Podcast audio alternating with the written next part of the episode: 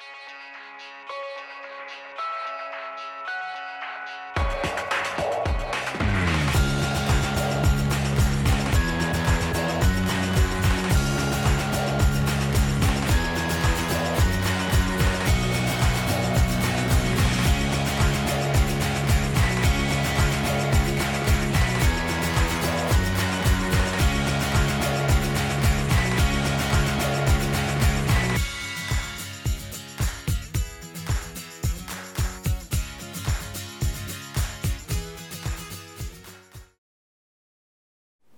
Välkomna till I Luthers fotspår. I det här avsnittet så eh, får vi möta Magnus Persson i en intervju. Han är pastor i Unitedkyrkan i Malmö och välkänd inom pingströrelsen. Han har nu fått upp ögonen för Luther och för reformatorisk kristendom. Eh, vad har det här betytt för honom? Vilka konsekvenser har det fått? Och vad har det här eh, att säga oss i vår tid? Kan Luther 500 år senare fortfarande vara lika aktuell som han var då. Välkomna. Då har vi kommit till eh, avsnitten då vi ska få samtala om Luthers betydelse idag. Vad har reformationen för roll att spela i Sverige och i svensk kristenhet idag? Och med oss eh, för att hjälpa oss i det får redas av Magnus Persson, pastor i United i Malmö. En pingstpastor som har upptäckt Luther och den lutherska traditionen och rikedomar i det. Välkommen hit. Tack så mycket, kul att vara här. Hur kom Luther till dig? Hur, hur och när upptäckte du eh, Luther och vad, vad innebar det? Ja, det som är viktigt när man talar om ett program, där vi, när vi talar, har ett program där vi ska tala om Luther, så är det viktigt att betona att eh, Luther kanske är ett verktyg som hjälper oss att se Jesus. Eh, och det är det som han gör på ett förträffligt sätt. Annars är Luther känd för att han sa själv att jag önskar att man skulle tiga om mitt namn. Att ingen kallar sig lutheran. Inte är det Luther som har hängt på ett kors, han, utan det är Kristus. Och det är just denna Kristusfokus som, som slår igenom så starkt hos Luther. Vi har precis firat reformationen. Och då är det lätt att vi tänker att reformationen handlar om en munk som spikar upp sina teser på en dörr. Men det handlar om en man som blir uppspikad på ett kors för vår skull, Guds son Jesus Kristus. Och det är detta som slår igenom så otroligt starkt i mötet med Luther. Ehm, och det var just där Luther blev en viktig guide för mig, en viktig vägledare, en viktig lärare i mitt sökande efter att ha varit pastor i många år men känner att eh, vad är egentligen kyrkans och kristendomens centrum och tilltal. Vad är Guds tilltal till en människa på jorden idag? Vad är det liksom centrala? Vi kan ju syssla med så otroligt mycket. Och vi sysslar med väldigt mycket, men jag sökte liksom efter kärnan. Om Gud har ett ord idag till en människa, vad är det? Ehm, och vårt sökande börjar naturligtvis i skriften, ehm, som ledde sen till att jag fick tag på en, om en kristen människas frihet. Och eh, på ett speciellt sätt, jag har sysslat med det här ändå i ganska många år, så lyste just evangeliets goda nyheter. Det har vi alltid sagt, det hade jag också sagt innan, att evangeliet är goda nyheter. Sen kan man ju undra ibland.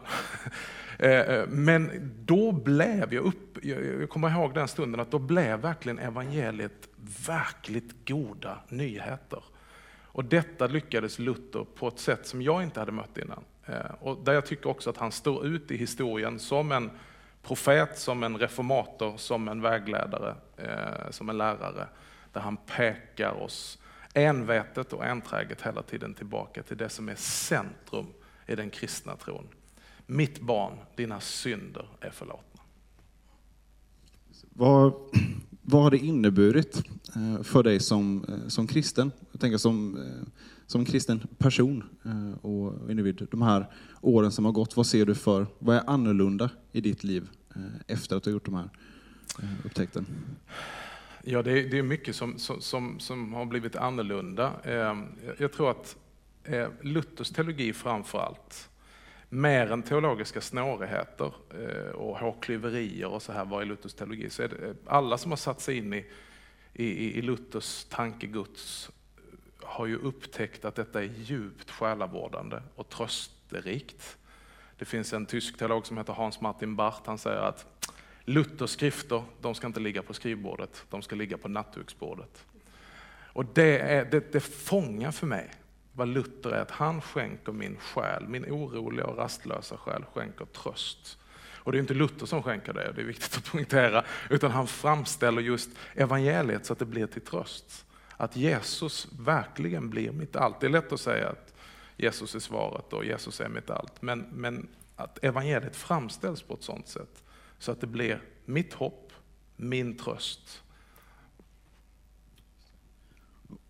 Och i Eh, relation till dig som, eh, som också kristen ledare, eh, har det förändrat din syn på, på kristet ledarskap och hur du utövar ledarskap? Ja, jag, jag tänker att reformationen kom ju till vid ett tillfälle just för att evangeliet hade blivit skymt.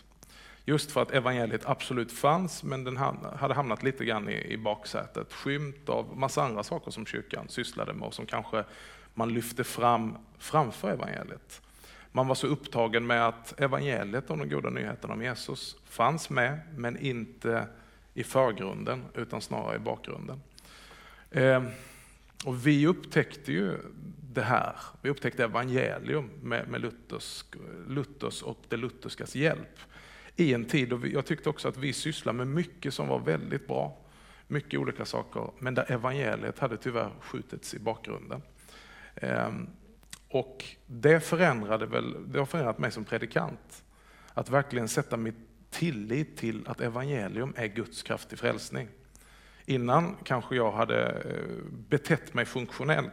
Jag hade inte sagt det om du hade frågat mig teologiskt.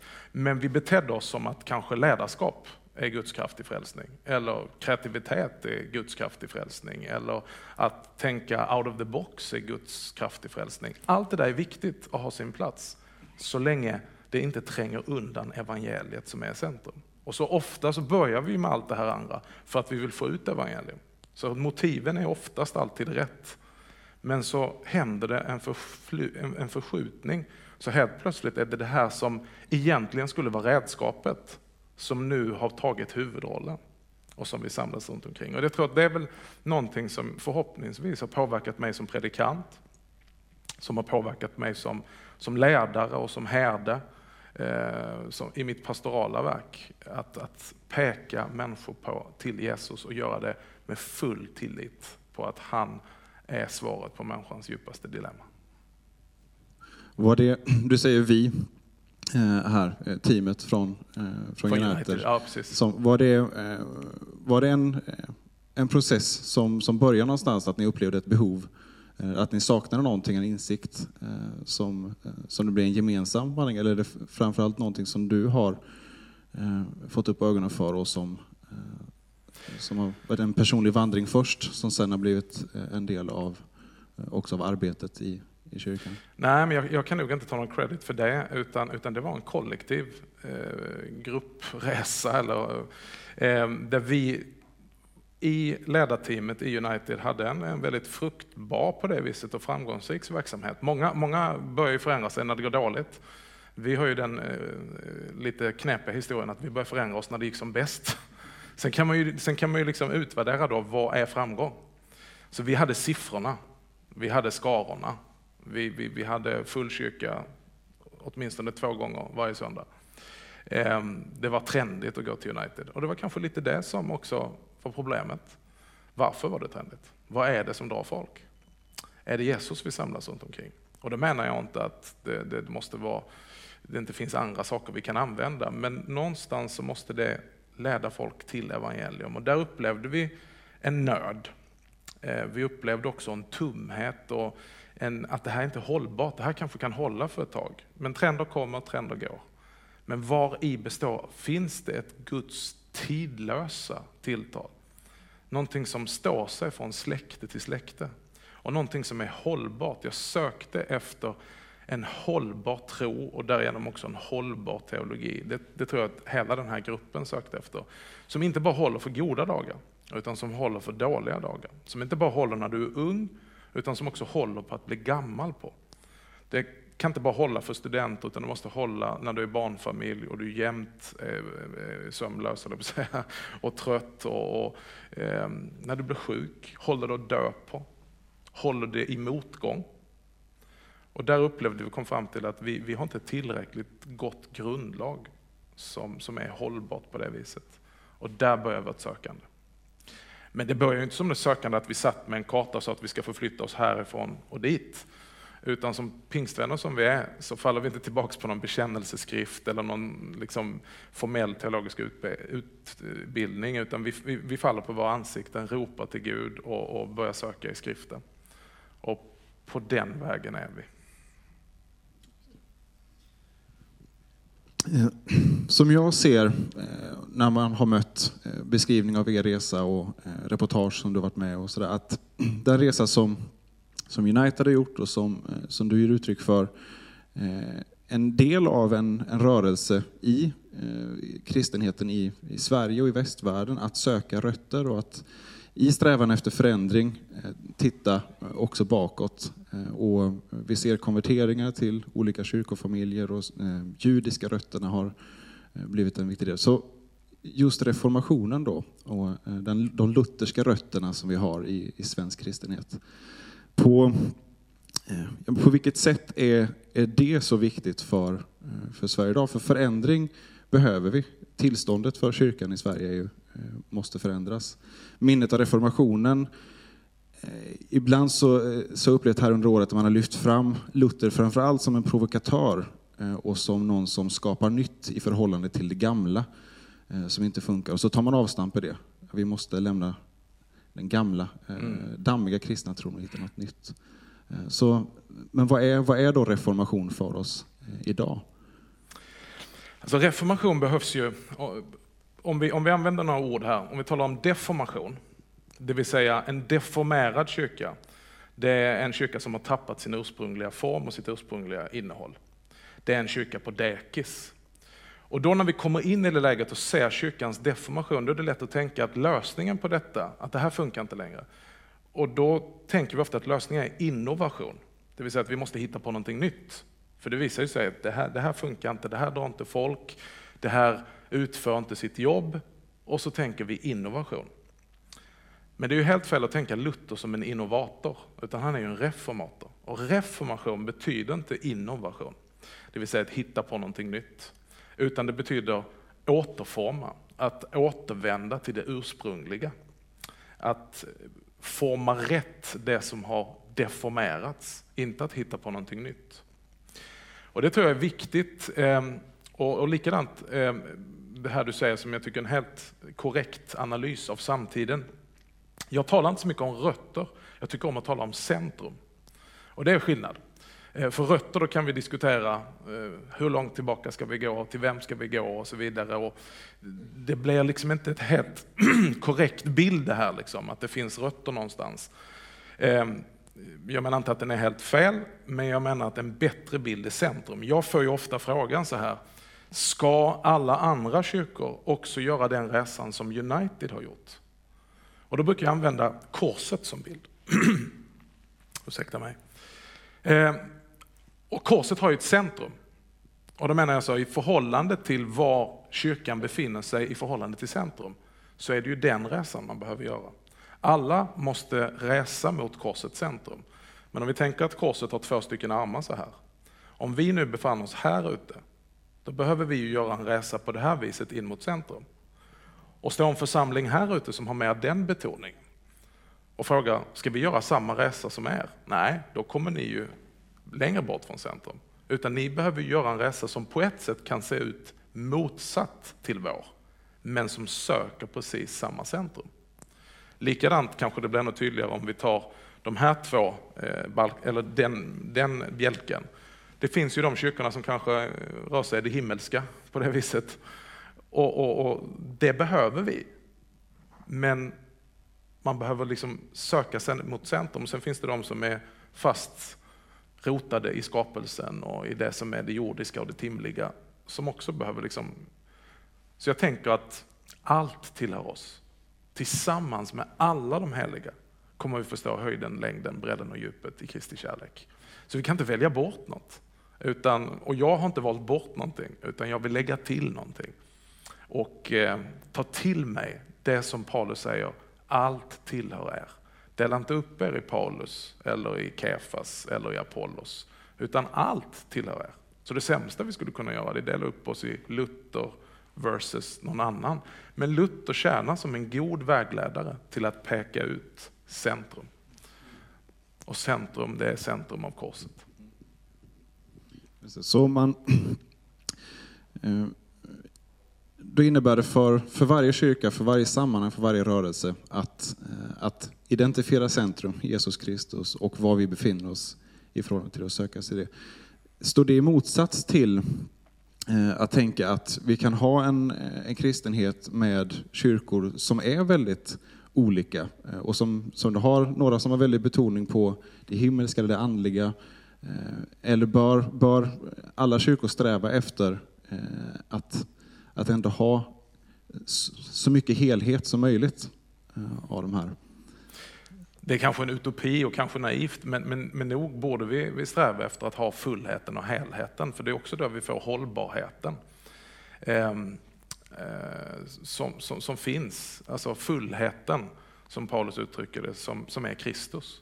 Och den fullheten har han gett sin kropp som är hans kyrka. Så den fullheten finns ju i Kristus. Ehm, sen kan det finnas olika uttryck av den fullheten. Men jag tror det är viktigt att sträva efter att, ha, eh, att vara starkt förankrad i det som är centrum. Utifrån att om vi tänker också den stora berättelsen, för det handlar lite grann om hur vi ser på Bibelns budskap. Om vi tittar på, på Bibelns eh, hela berättelse från början till slut. Ehm, är den flat line så att säga? Allt är lika viktigt. Det, det, är viktigt och det är viktigt och allt är precis lika viktigt. Det finns liksom inget, inget klimax någonstans, ingen, ingen topp, inget centrum. Och då menar jag, och, och, och där tror jag står på god Luthers grund, att vad allting driver fram till, vad all, hela, hela Guds hemlighet, hela Guds plan som han avslöjar, det är ju att Kristus, det är Gud kommen i köttet. Inkarnationens mirakel som leder till att han går in under lagen i vårt ställe. Han går upp på korset och lider och dör i vårt ställe. Han begravs i vårt ställe och han uppstår för vår skull. Och nu väntar vi honom tillbaka. Alltså där någonstans har du evangeliets centrum. Så absolut, allt är viktigt, men det finns någonting som är viktigast, någonting som är centralt. Och, och då tror jag att det behöver vara så när vi bygger församling, i vår förkunnelse, i vårt tilltal, i våra gudstjänster. Det, våra gudstjänster rymmer mycket utifrån kulturella olika uttryck. Var du befinner dig på jordklotet skulle vara galet om vi skulle välja någon sorts eh, sydtysk modell för, för alla och tänka att där, där har Gud liksom satt ett, eh, ett mönster. Utan, men, men, men, men hur än uttrycken är så handlar det om innehållet. Och det är att Gudstjänsten måste hela tiden peka oss till Kristus.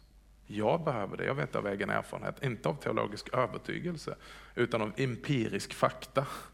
Att Magnus Persson behöver hjälp att bäras till Kristus. Jag är som den lame mannen, som inte kan ta mig till Jesus. Och ibland är det folk som står iväg, du känner till Jesu berättelse, liknande, eller mm, när Jesus han är i huset och det är jättemycket folk och det är folk utanför, och där är en lam man han kan inte komma till Jesus. Ibland känner jag mig som den där lame mannen som behöver hjälp att bäras fram till Kristus. Och ibland så liksom, behöver man riva upp taket och hissa ner den här lame för att den ska komma fram till Jesus. Så då tänker jag, vi behöver gudstjänsten. Vi behöver former. Former är inte oviktiga. Och de formerna behöver hela tiden föra mig fram till Kristus. Formen blir deformerad om den för mig från Kristus. Och med, med det här tydliga centrumet eh, som du beskriver och fokus på det, eh, har, eh, har det förändrats i hur du och församlingen ser, vad ni ser för målgrupp till exempel, där man tidigare kanske hade en, en väldigt tydlig stil och en definition och också en tanke om vilka människor man ville nå. Har det förändrats i detta också? Med vilka vilken målgrupp eller vilka människor eh, ni vill och kan möta? Alltså jag tror att vi var väldigt målgruppsanpassade innan. Och nu betyder det inte att vi... Målgruppen är snarare människor. Människor är människor. Ju mer jag arbetar med människor så inser jag bara att människor är människor. Och, och, det finns inget vi och dem. Så innan kanske jag tänkte kristna, icke-kristna, vi måste tala så icke-kristna förstår och vi ska nå icke-kristna. Men jag har insett att icke-kristna, de har ungefär samma behov som kristna. Det finns inget vi och dem, det finns bara ett vi och han. Eh, vad Jesus behöver tala till mig, det är ungefär samma sak som Jesus behöver tala till, till min granne. Eh, rent liksom specifikt centralt. Så jag tror snarare att vår målgrupp har växt och att vårt tilltal är mer anpassat för alla människor än bara att det är en sån tydlig kulturell förpackning att det kanske bara når några få. Med risken också att det är det kulturella uttrycket som blir behållningen eh, och att det kidnappar innehållet lite grann. Och det handlar ju till syvende och sist om att ha en sån tilltro till innehållet. Att det är faktiskt innehållet som också drar människor. Jag tror att alla människor kommer till den punkten förr eller senare. Ibland är vi väldigt ivriga och vill att människor ska vara vid den punkten, men vi kanske då skördar där vi ännu inte har sått eller där livet inte riktigt är färdigt med oss. Jag tror att alla människor förr eller senare är som den förlorade sonen. Vi har alla tagit makten i våra egna händer från pappa och säger ge hit, det är mitt, mitt liv. Jag har liksom grejer som jag vill göra med det här livet och jag vill inte bli begränsad. Och så ger man sig ut på livet för att kanske hitta sig själv och bli sig själv och söka lycka och alltihopa. Förr eller senare så är min erfarenhet att människor kommer till en, till en punkt där det står att den förlorade sonen, att han kom till sig själv. Att han, han, han, han helt plötsligt vaknar upp och säger, nej men det, det här är ju inte vem jag är. Det här är ju inte vad jag har hemma. Och så står det att han börjar få hemlängtan. Och jag tror att varje svensk förr eller senare kommer till en punkt där man börjar längta hem. Och det betyder inte hem att man en gång har lämnat kyrkan, utan att varje människa, här har vi den här stora bilden, vad utgår vi ifrån för någon tanke? Jo, det är att varje människa hör hemma hos Gud. Och att det finns inbyggt och närlagt i oss. Och när förlorade söner kommer hem så är de inte egentligen upptagna av vad det är för något program vi är dem, vilket upplägg vi har, vilken dur, eh, om det är dur eller moll eller liksom högt eller lågt. Utan de är, upp, för de är upptagna av det att det finns en öppen famn. Och det är att bli befriade från sin skam. Det är att bli befriade från sin skuld och sen bli insläppta till det som kallas för festen. Det är de goda nyheterna. Skulle du vilja eh, eh, utveckla det ännu lite mer? Alltså hur, hur får vi ett tilltal till, till de människor som vi har runt omkring oss som rör, rör sig ändå i en, en, en väldigt annorlunda kontext. Även om det mänskliga problemet med synd och relation till Gud är, är tidlöst, liksom också svaret på frågan. Men sammanhanget som Luther verkade i för 500 år sedan, ett, ett annat sorts samhälle, kyrkan hade en helt annan roll. Eh, hur hittar vi tilltalet och, och vägarna in eh, bland sekulära svenskar och bland våra arbetskamrater och grannar? Mm. Nej, men här, finns ju något, här finns ju något tidlöst. Problemet har inte förändrats. Människan absolut är förändrad eh, till det yttre. Eh, våra omständigheter är helt annorlunda. Samhällsfrågorna är på ett annat sätt annorlunda. Ehm, modet är annorlunda, teknologin är annorlunda. Det är, det är så mycket som är en annan värld. Men någonstans mitt i den världen så är det ju samma typ av själ, samma typ av dilemma som människan befinner sig i. Kanske uttryckt på ett annat sätt. Och det handlar ju om att connecta med detta. Jag tänker att om man grovt generaliserar det, för att vi inte ska dra ut på tiden, att varje människa ställer sig följande existentiella frågor. Någon gång så kommer man till att titta på sitt eget hjärta, lyssna på sina egna tankar, ransaka sitt eget liv, eller i alla fall titta på världen och titta på nyheterna och allt horribelt som händer i vår tid. Och så ställer man sig frågan, ska det vara så här? Ska det verkligen vara så här? Och om det inte ska vara så här, varför är det så här? Vad är det som har gått fel? Och om det har gått fel, vem eller vad kan då ställa detta till rätta? Och när det har blivit rättställt, hur ser det ut då?